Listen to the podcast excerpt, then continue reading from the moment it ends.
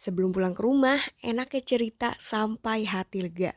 Supaya besok kita bisa mulai hari dengan hati yang lebih lapang dan lanjutin hal-hal yang sempat ketunda. This is your host, Dara, and enjoy podcast sebelum pulang.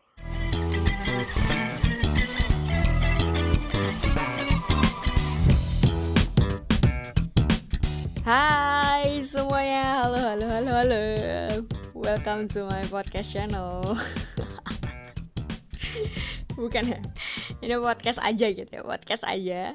Halo semuanya, teman-teman, welcome to podcast sebelum pulang. Well, thank you banget untuk teman-teman yang masih suka dengerin Atau nggak sengaja kepencet podcast sebelum pulang terus dengerin Salah satu atau salah dua episodenya. Thank you anyway for listening. Meskipun gue hiatus selama 2 tahun gue masih suka nerima rapot dari Spotify setiap tahun which is itu kayak semacam sindiran halus kayak yuk balik lagi kali ya bisa gitu di podcast. So, yang sebenarnya gue udah planning dari covid muncul tuh gue pengen balik lagi ke podcast cuman ya ada alasannya yang nanti akan gue ceritakan juga sih di sini. Dan mungkin sebelum sebelum gue menuju topik yang sesuai judulnya ya cerita pasca hiatus podcast 2 tahun hmm, gue mau kenalan lagi uh, untuk refresh lagi ke teman-teman yang lupa ini podcast siapa yang bisa-bisanya aktif satu tahun nih.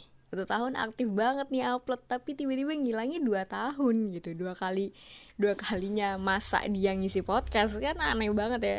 Kayak dari awal udah menunjukkan dia tidak komit sama sekali gitu dengan platform ini. Uh, sebelum nantinya kan juga gue akan update kehidupan ya. Gue update identitas juga lah ya halo semuanya salam kenal. Gue gue darah gue manusia. Hmm, alhamdulillah masih jadi manusia meskipun setengah uh, ya half half zombie ya. Gue lagi nonton All of Us Are Dead. Kayak gue masuknya ke half zombie deh. Karena naluri manusianya udah hilang sebenarnya tapi kayak masih diada-adain gitu. Sekedar update ya gue masih kerja di kantor yang sama. Dari awal gue bikin podcast sampai sekarang di salah satu startup yang geraknya di bidang sosial. Um, again kalau lo follow gue di sosial media mana pun di Instagram di LinkedIn lo akan easily nemu kantor gue di mana gitu gue kerja di mana. And apa ya gue lagi gue lagi mencari uniqueness gue jadi mempermudah introduction gue tapi gue bingung gitu. Um, mungkin ini kali ya kayak part uniqueness gue yang gak unik-unik banget gue secara karir dan pendidikan tuh PR banget. Jadi gue kuliah PR humas gitu ya hubungan masyarakat pun alhamdulillahnya sampai kerjaan juga konsisten tuh gue um, di PR tapi personally ya ya mungkin kalau ibarat jenjang usia gue masih ABG lah di bidang PR ini. Gue baru tiga tahunan. Ya professionally ya. Professionally kerja sebagai PR ya tiga tahun. Tapi kalau ditambah dengan masa studi ya itu udah enam tahunan um, belajar soal PR dalam tanda kutip belajar soal PR ya kalau ngomongin menghubungkan dengan uh, journey gue tuh PR banget dan kaitan dengan podcast gue ya simply karena gue suka building conversation. PR kan memang kerjanya ngomong ya. Kerja, kerjaannya ngomong komunikasi lah ibaratnya. Komunikasi kan nggak bentuknya nggak harus ngomong juga kan kayak nulis dan sebagainya. Ya gue suka building conversation make a story uh, knowing the story. Ya gue suka lah uh, menyelami cerita gitu. That's why itu juga salah satu alasan kenapa gue bikin podcast karena gue suka gue suka ngobrol lah sederhananya gitu. Mungkin sebelum gue update kehidupan ya selama 2 tahun gue juga pengen refresh lagi uh, sedikit sedikit aja alasan kenapa podcast ini muncul jadi ini ada kaitannya juga kenapa berhentinya di tahun 2019 gitu. Singkatnya sih ya, ini tuh dibuat podcast gue tuh dibuat untuk adaptasi mental gue. adaptasi mental gue dalam tanda kutip mental, manajemen fokus waktu dan sebagainya gitu ya. Sebelum nantinya gue bakal kuliah sambil kerja which is gue mulai kuliah lanjut kuliah ya tepatnya sekitaran September 2019 gue kuliah lagi nah sebelum itu gue masih mikir tuh gimana caranya gue nggak kaget dengan situasinya nanti. Karena kan ini bener-bener pertama kalinya gue kerja sambil kuliah. Ya dulu sempat lah gue pas sambil nyusun skripsi gue udah mulai kerja juga. Kerjanya intern sih. Cuman emang uh, full time shifting full time shifting. Ya full time shifting tapi jam kerjanya jadi kayak dari pagi ke sore terus sore ke malam. Ya shifting. And uh, ya pernah kayak gitu. Hektik juga chaos juga. Tapi waktu itu kan load kuliahnya udah dikit kan karena gue fokusnya skripsi doang gitu. Tapi kan ini beda. Gue kuliahnya dari awal which is gue akan banyak mata kuliahnya banyak prakteknya. Um, ya banyak perintilan kuliahnya lah yang loadnya mungkin sama heavy-nya nih sama full-nya nih. Dengan kerja ketakutan terbesar gue adalah ketika ada skenario gue harus mengorbankan salah satunya. Itu gue takut banget. Jadi gue mikir nih apa nih yang bisa gue lakuin ya alternatifnya? Um, supaya gue nanti nggak kaget-kaget banget gitu dengan pace hidup gue gitu. Akhirnya udah gue mikir gue oh ya udah gue buat konten secara konsisten gue komitmen dengan konten gue. Waktu itu mikirnya antara podcast atau YouTube. Tapi gue mikir lagi kayaknya kalau YouTube since gue juga ngerti editing dan gue suka ngulik video gue takutnya terlalu time consuming gitu di situ. Atau kayak gue terlalu asik jadinya ngebikin YouTube atau bahkan terlalu pressure. Minusnya gitu terlalu pressure jadinya nggak jalan tuh YouTube-nya. Kira udah yang simple kayaknya podcast aja. Jadi kayak ya mungkin gue akan sedikit effort di bikin ngemas kontennya bikin uh, talking pointnya ngajakin ketemuan narasumbernya gitu ya. Dan sampai proses editingnya. Nah itu kan prosesnya text time juga. Ya mungkin nggak seberat kuliah tapi at least um, ya itu time consuming juga gitu. Tapi nggak seberat bikin YouTube ya kayak gitulah. Intinya jadinya ya udah singkat cerita ya udah di podcast. Dan pada saat gue waktunya udah mulai kuliah ya podcastnya gue non aktifin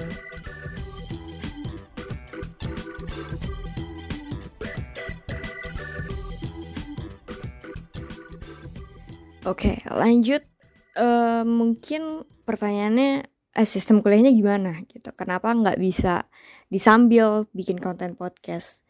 Nah, yang pertama sebenarnya tipis-tipis selama gue kuliah tuh tet gue tetap bikin konten, tapi yang lebih praktis dan one share away gitulah ibaratnya, which is ya Instagram Story.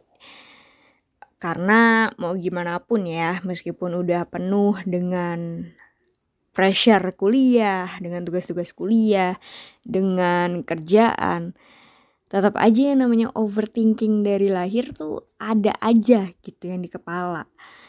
Yang kalau didiemin tuh kayak annoying banget sih bikin bikin overwhelming banget dan berpengaruh jadinya untuk produktivitas gue juga butuh disalurin lah dan butuh cepet yang gak ribet minimal layak dibaca ya udah langsung upload di Instagram Story. Kalau nyesel ya udah tinggal langsung delete kayak gitu loh.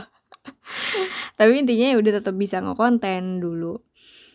Terus sistem kuliahnya sampai nggak bisa disambil bikin konten podcast. Waktu kuliah gue tuh weekdays. Nah kebetulan gue milik kampus yang gak ada kelas karyawannya, tapi dia adanya kelas malam. Nah mungkin itu akan sedikit ada hint ya kampus gue di mana.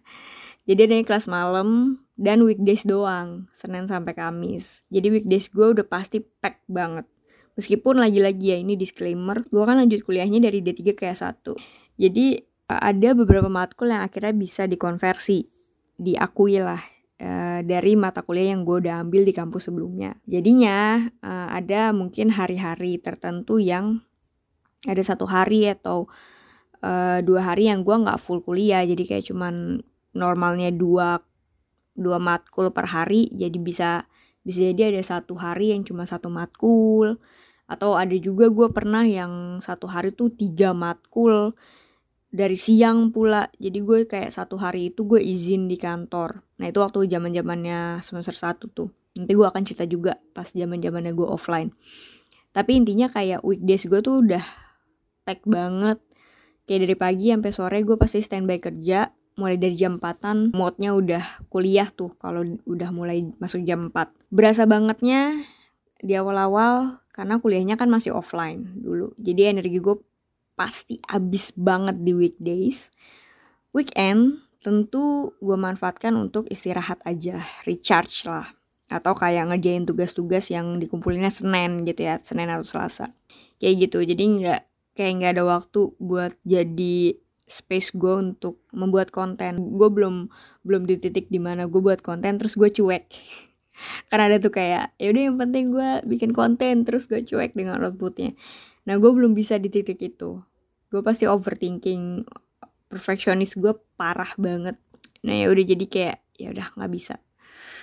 Terus um, pertimbangan lainnya kenapa nggak tetap aktifin podcastnya karena jujur sebagai introvert seabis itu sih energi gue asli dengan agenda kayak gitu um, buat ngobrol sama orang. Dan di sisi lain gue belum mampu gitu buat monolog podcast kayak gini nih. Gue tuh belum mampu dan belum pede. Gue ngebayangin prosesnya udah capek duluan lah. Jadi ya udah daripada maksain gue harus korbanin podcastnya atau again kalau um, objektifnya buat nyalurin unek-unek ya gue bisa pakai platform lain yang lebih simple lah proses pembuatan kontennya. Nah, terus kita masuk ke update kehidupan. Apa yang terjadi selama kuliah sambil kerja ya? Nah, mungkin ini ada yang lagi ngerasain atau lagi mau ngerasain terus kayak pengen denger cerita dari gue. Gue kayaknya nggak akan share sedetail itu karena ini bener-bener gue tulis uh, seingat gue aja. Jadi kalau mau ada sesi terpisah yang lebih runut tips and trick kuliah sambil kerja ya mungkin nanti akan gue bikinin konten sendiri. Tapi untuk ini kan gue pengen intinya buat update kehidupan aja gitu ya.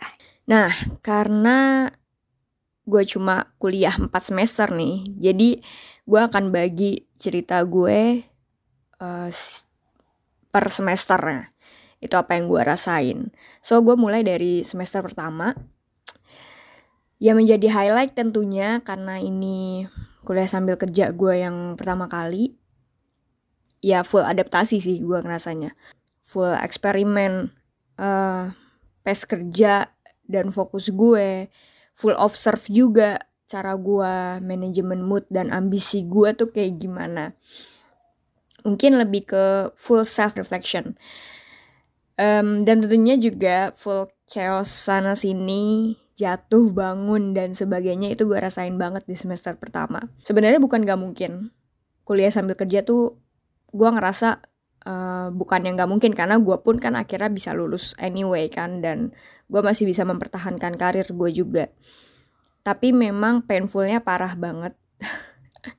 Ini gue nggak mau ceritain yang uh, inspiring dan ceritain yang manis-manisnya aja gitu ya tapi ya ya ini the bitter the bitter truthnya gitu bahwa ya emang painful banget ketika lo ngejalanin dua hal yang heavy-nya tuh sama sebenarnya gue punya aja gitu kan pilihan untuk kayak ya udah kuliahnya nggak usah ngoyo banget yang penting gue memenuhi tanggung jawab gue sebagai mahasiswa. Um, terus gue lebih alihin energi dan fokus gue tuh ke kerjaan itu bisa banget. Dan tidak sedikit juga kan yang kayak gitu. Tapi berhubung memang sebenarnya aspirasi gue tuh lebih ke pendidikan gitu instead of kerja. Jadi kalaupun gue uh, kemarin ada kejadian misalkan gue harus meninggalkan pekerjaan dan karir gue ya gue bisa-bisa aja gitu. Cuman ya alhamdulillahnya gue bener-bener fight banget untuk bisa mempertahankan kerjaan gue kalau kuliah kan uh, kuliah sambil kerja ataupun any kind of uh, kehidupan gitu ya fase kehidupan itu kan pasti ada naik turunnya. Nah kemarin pun gue juga ngeh uh, gue udah mulai mulai ngeliat polanya gimana nih. Kapan gue full banget di kerjaan sehingga di kuliahnya gue bisa uh, apa namanya gue korbanin sedikit atau gue bisa less prioritasin gitu. Terus kapan keduanya bisa balance? Jadi gue kayak bisa uh, ya udah nih kerjaannya bisa jalan kuliahnya pun bisa jalan uh, terus juga kapan waktunya ketika kuliah tuh se heavy itu? Tentunya pas ya di masa-masa ujian sih pastinya yang berasa ya. Ujiannya hmm, baik yang UTS maupun di final exam. Nah, itu udah uh, udah mulai berasa gonjang gajinya tuh di fase itu waktu di semester pertama. Dan gue bener-bener aware gitu soal itu. Nah itu gue pernah harus ngumpulin paper untuk final exam di waktu yang bersamaan gue lagi manajemen event di kantor. Dan itu again ya semester pertama nih gue masih offline jadi mau nggak mau gue ke kampus. Di tengah-tengah gue lagi handle event. Nah itu bener-bener di last minute karena gue nggak uh, kayak ngerasa nggak bisa nih gue ninggalin event itu saat itu. Terus ya mau nggak mau ya udah gue izin. Gue kayaknya jam segini gue harus ngumpulin paper ke kampus.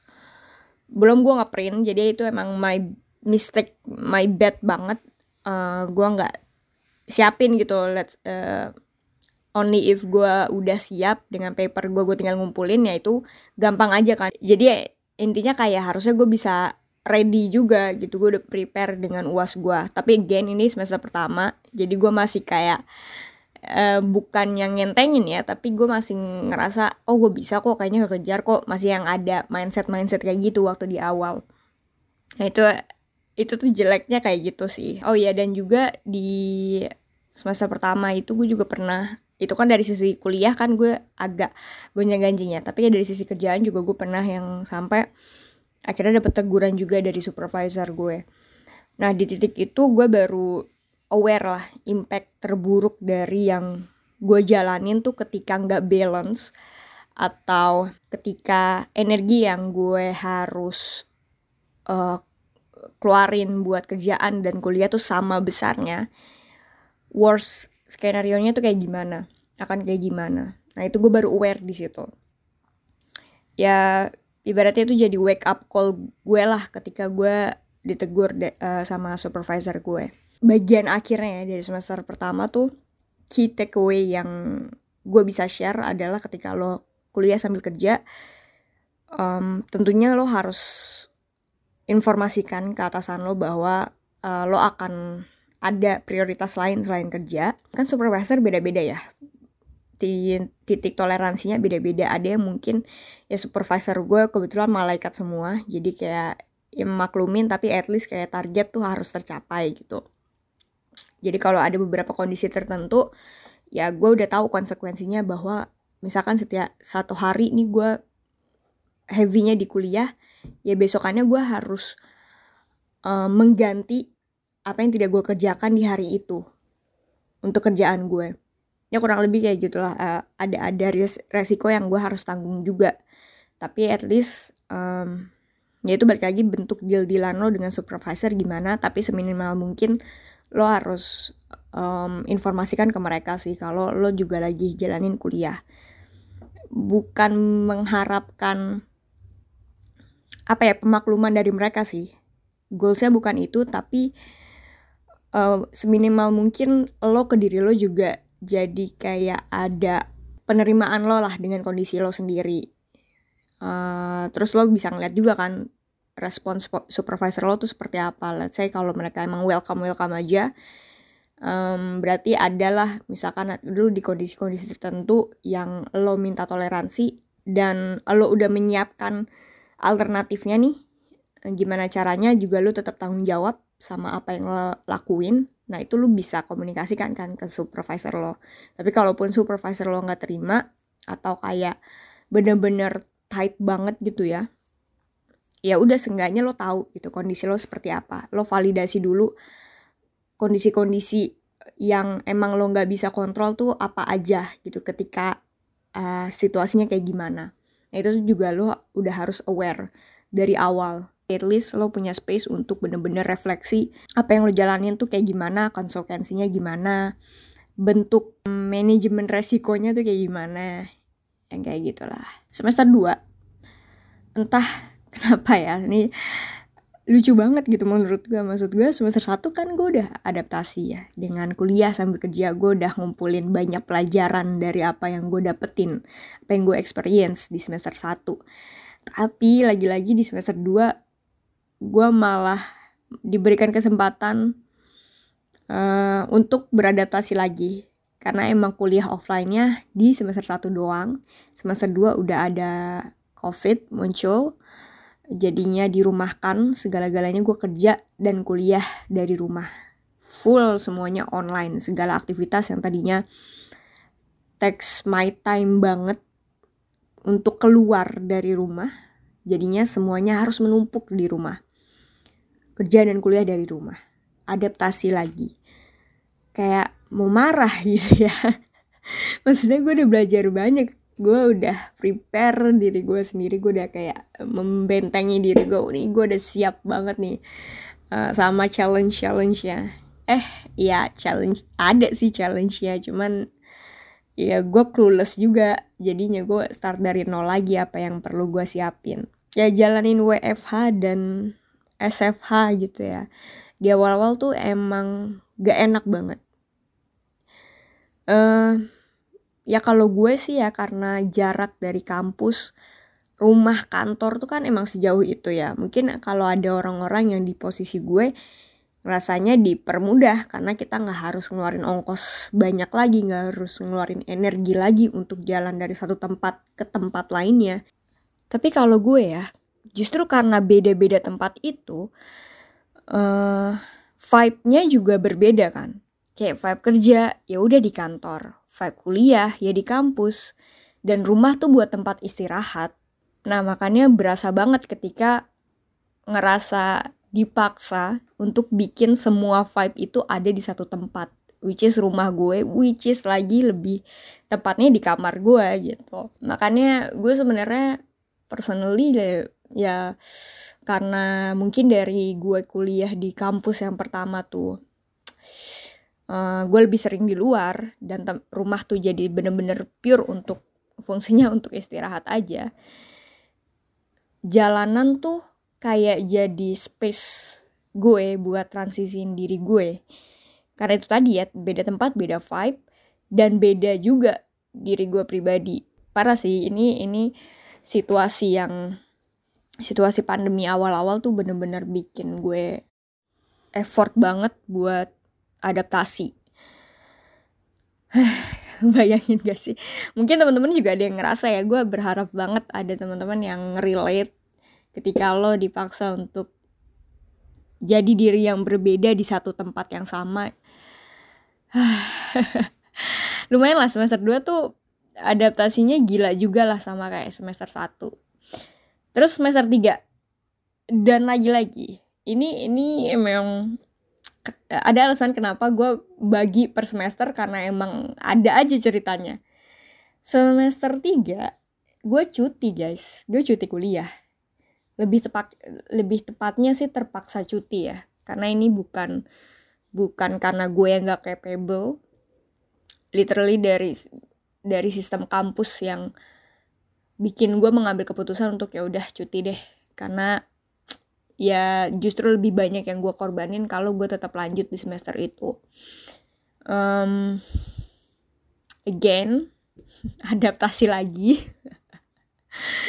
Meskipun ya sebenarnya kan diuntungkan ya. Jadi gue bisa fokus kerja concern gue di poin yang sebelumnya tuh soal menyatukan tiga tempat yang sebelumnya berbeda tiga vibe yang sebelumnya berbeda. Ya diuntungkan kan karena gue jadinya moodnya ya full kerja aja gitu di kamar. Jadi gue cuma tinggal memisahkan kerja dan istirahat moodnya. Um, tapi ya gimana ya gue gue sampai yang udah nggak ngerti lagi lah banyak surprise-nya banget sebenarnya dua tahun ke belakang um, waktu gue cuti pun sebenarnya itu jadi titik yang bikin gue down. Um, karena gue pastinya dihadapkan dengan skenario skenario yang buruk gitu ya. Uh, ya salah satunya ya tentunya kemungkinan wisuda gue mundur dong. Dan jadinya ya plan gue out-outan. Cuma gue belajar banyak sih dari saat itu tentang penerimaan. Sebaik-baiknya akan keadaan tuh kayak gimana. Nah, sampai pada akhirnya semester 4 dan 5. Karena kalau di kampus gue untuk eh, proposal dan skripsi itu dibedain semesternya. Jadi kayak proposal satu semester sendiri, skripsi satu semester sendiri. Makanya gue langsung jump into semester 4 dan 5. Udah mulai fokus skripsi. Tapi gue pengennya sih daripada ngebahas semester 4, gue lebih jauh lebih challenging lagi tuh semester 5 sebenarnya. Karena di kampus gue itu kan sesi wisudanya cuma sekali dan adanya di semester genap. Again, skenario buruk soal gue telat wisuda itu nggak telat wisuda sih, tapi kayak itu di luar plan gue kan berarti um, wisudanya lebih dari satu semester. Nah itu gue tuh menghindari banget. Um, ya ya itu kan butuh biaya ya teman-teman. Jadi gue menghindari banget itu kejadian itu juga painful banget banyak banget cerita ups and downs-nya. Karena otomatis gue harus ngejar gimana caranya gue bisa wisuda di tahun itu. Um, otomatis gue ngelarin skripsi bener-bener cuma dalam waktu tiga bulan setelah kelar semester 4 jadi kayak ya udah proposal full di satu semester tapi gue udah ancang-ancang untuk ngelarin skripsi sampai bab 5 yaitu dalam waktu tiga bulan aja sempat tentu hopeless bisa ngejar lulus karena waktu itu kerjaan juga lagi banyak-banyaknya. Gue juga sempat kena covid. Tapi alhamdulillah ini kayaknya caranya semesta untuk payback atas kesialan gue di semester-semester sebelumnya. Ya alhamdulillah banget tuh gue dapet dos spam yang super baik super banget baik. Gue ser, sebersyukur itu sih and yes pada akhirnya gue lulus juga deh. Yeay kemarin November. Eh ya Nov Desember kemarin. Desember kemarin gue lulus. Nah um, dari sisi kerjaan gimana nih? Update nya aja.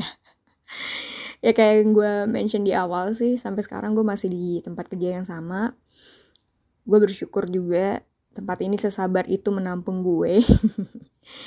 Di sisi lainnya gue happy juga tiap look back gue gue kayak udah bisa lihat progres gue tuh kayak gimana selama tahun-tahun sebelumnya sepanjang gue kerja di sini.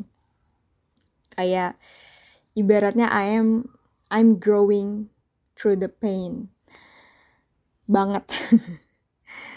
Gue dengan sebegitu chaoticnya hidup gue selama dua tahun ke belakang bisa survive secara finansial terutama ya di part nyelesain kuliahnya sih gitu. Di part gue melunaskan biaya kuliah gue.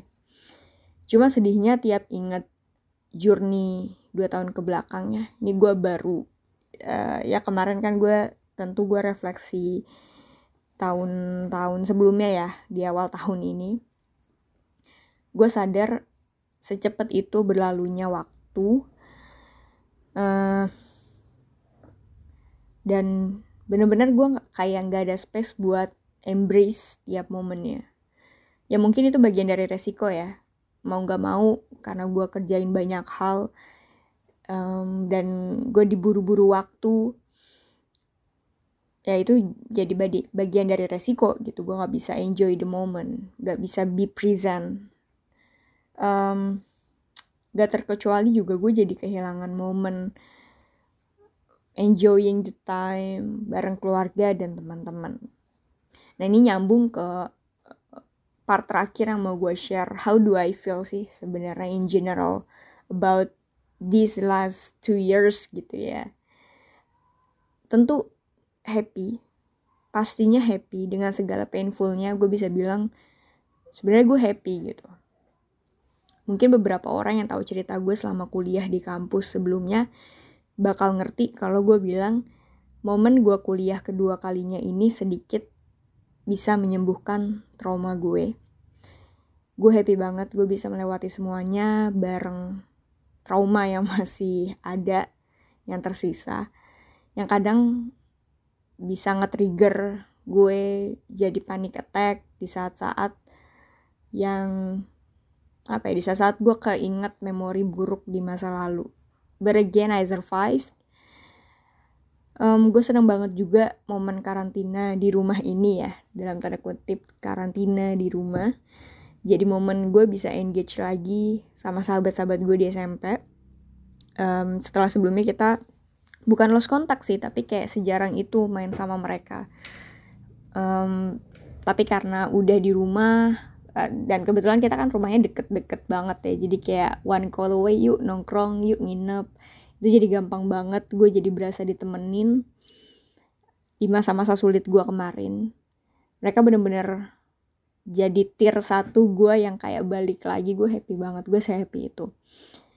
Um, mereka karena mereka yang tahu gue di titik paling buruk gue tuh ya mereka gitu kan dan menyadari bahwa mereka stay sama gue sampai sekarang tuh itu semenyenangkan itu sih perasaannya gue bisa spend seenggaknya selama dua tahun terakhir tuh ya gue paling sering ketemu ya sama mereka gitu buat refresh mood buat kayak yuk balik lagi jadi darah yang menyenangkan gitu itu bareng mereka. Karena sadar gak sih covid dan di rumah aja nih bener-bener ngasih space kita buat ngenalin lagi diri kita tuh kayak gimana. Senengnya apa sih? Apa yang bisa bikin enak? Apa yang bikin gak enak? Apa yang mengganggu kita sampai ya kita aware gitu siapa aja orang-orang yang bisa bikin kita nyaman dengan kondisi kita yang sereal-realnya kita. Karena asli gue tuh um, gak tahan banget kalau dibiarin sendirian. Bukan berarti gue gak, gak independen gitu ya. Tapi kalau gue dibiarin sendirian, sibuk dengan yang ada di kepala gue, gue bisa seancur itu sih in the end. Ditambah harus bener-bener kayak kemarin ya kayak gue bahas sebelum sebelumnya gue bener-bener harus rely on myself untuk ngejalanin kuliah sambil kerja itu painful banget. Um, jadi mau nggak mau waktu yang kosong tuh gue cuma pengen isinya sama hal-hal yang bikin nyaman aja sama orang-orang yang bikin gue nyaman dengan diri gue jadi gue nggak harus berpura-pura. Jadinya ya udah gue happy banget bisa punya teman-teman yang ya lah gue kalau nggak asik ya nggak apa-apa gitu bareng mereka. Kayak energi gue tuh uh, ini sumpah ya ini fakta. Mungkin teman-teman tahunya ya circle circle gue di luar yang teman-teman SMP gue ini tahunya gue rame aja gitu. Padahal itu kan en wasting energi banget ya. Makanya gue nyaman banget sama teman-teman SMP gue karena gue bisa diem aja tanpa harus ditanya kayak atau tanpa harus dicurigain gue tuh lagi kenapa. Padahal emang gue aslinya diem. Nah itu cuman gue bisa dapetin sama teman-teman SMP gue um, gue nggak perlu jadi orang yang bring up the energy gitu. Sedangkan kalau di circle lain gue kayak jadi salah satu orang yang yuk yuk asik yuk nih tongkrongan. Yang kayak gitu. Pokoknya waktu-waktu kosong gue selama gue kuliah sambil kerja tuh ya gue cuma pengen mau spendnya sama orang-orang atau kegiatan yang udah proven kasih impact yang baik buat mental gue sih intinya. Terus gue juga happy banget gue jadi punya space untuk connect untuk reconnect sama keluarga lagi. Meskipun memang belum bisa seterbuka itu ya komunikasinya tapi at least ada hal-hal yang bisa gue improve untuk ngasih impact keberadaan gue di rumah tuh kayak gimana. Karena selama ini yang kayak gue bilang tadi rumah tuh bener-bener cuma jadi tempat gue istirahat aja. Dari gue kuliah di kampus yang pertama waktu gue tuh lebih banyak spend di luar. Um, jadi alhamdulillah selama di rumah aja at least gue bisa pelan-pelan gitu ya mulai mengisi gap-gap yang sebelumnya ada. Nah um, mungkin yang terakhir ya what's next? Apa nih plan gue ke depannya? Atau ya plan gue yang ke depannya sih gue nggak akan share tapi gue akan lebih sharenya ya plan si podcast ini akan gimana. Ya seperti yang gue sounding di awal akan ada episode-episode yang akan gue upload. Nah buat disclaimernya nih tiga episode mendatang yang gue upload tiga atau empat ya karena atau lima bahkan karena akan ada yang gue cut ada yang gue bagi jadi dua part. Uh, ini dibuatnya tuh di tahun 2020 akhir ada gue pengakuan dosa deh. Iya udah udah selama itu gue recordnya. Jadi uh, sorry banget kalau secara timeline bikin bingung atau kayak rooming loh. Misalkan kayak gue ada nih nanti podcast ngobrol bareng Tasya lagi terus ngomonginnya kayak plannya Tasya mau lulus padahal udah nih Tasya udah lulus dari awal tahun lalu. Jadi kayak sorry banget kalau bikin bingung um, tapi gue merasa percakapannya masih asik untuk didengerin masih bisa relevan.